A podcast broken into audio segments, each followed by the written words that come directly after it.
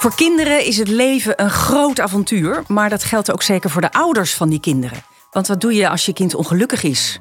In hoeverre mag je je eigenlijk bemoeien met hun seksleven? En vanaf welke leeftijd kunnen ze echt wel zelf hun voetbalkleren wassen?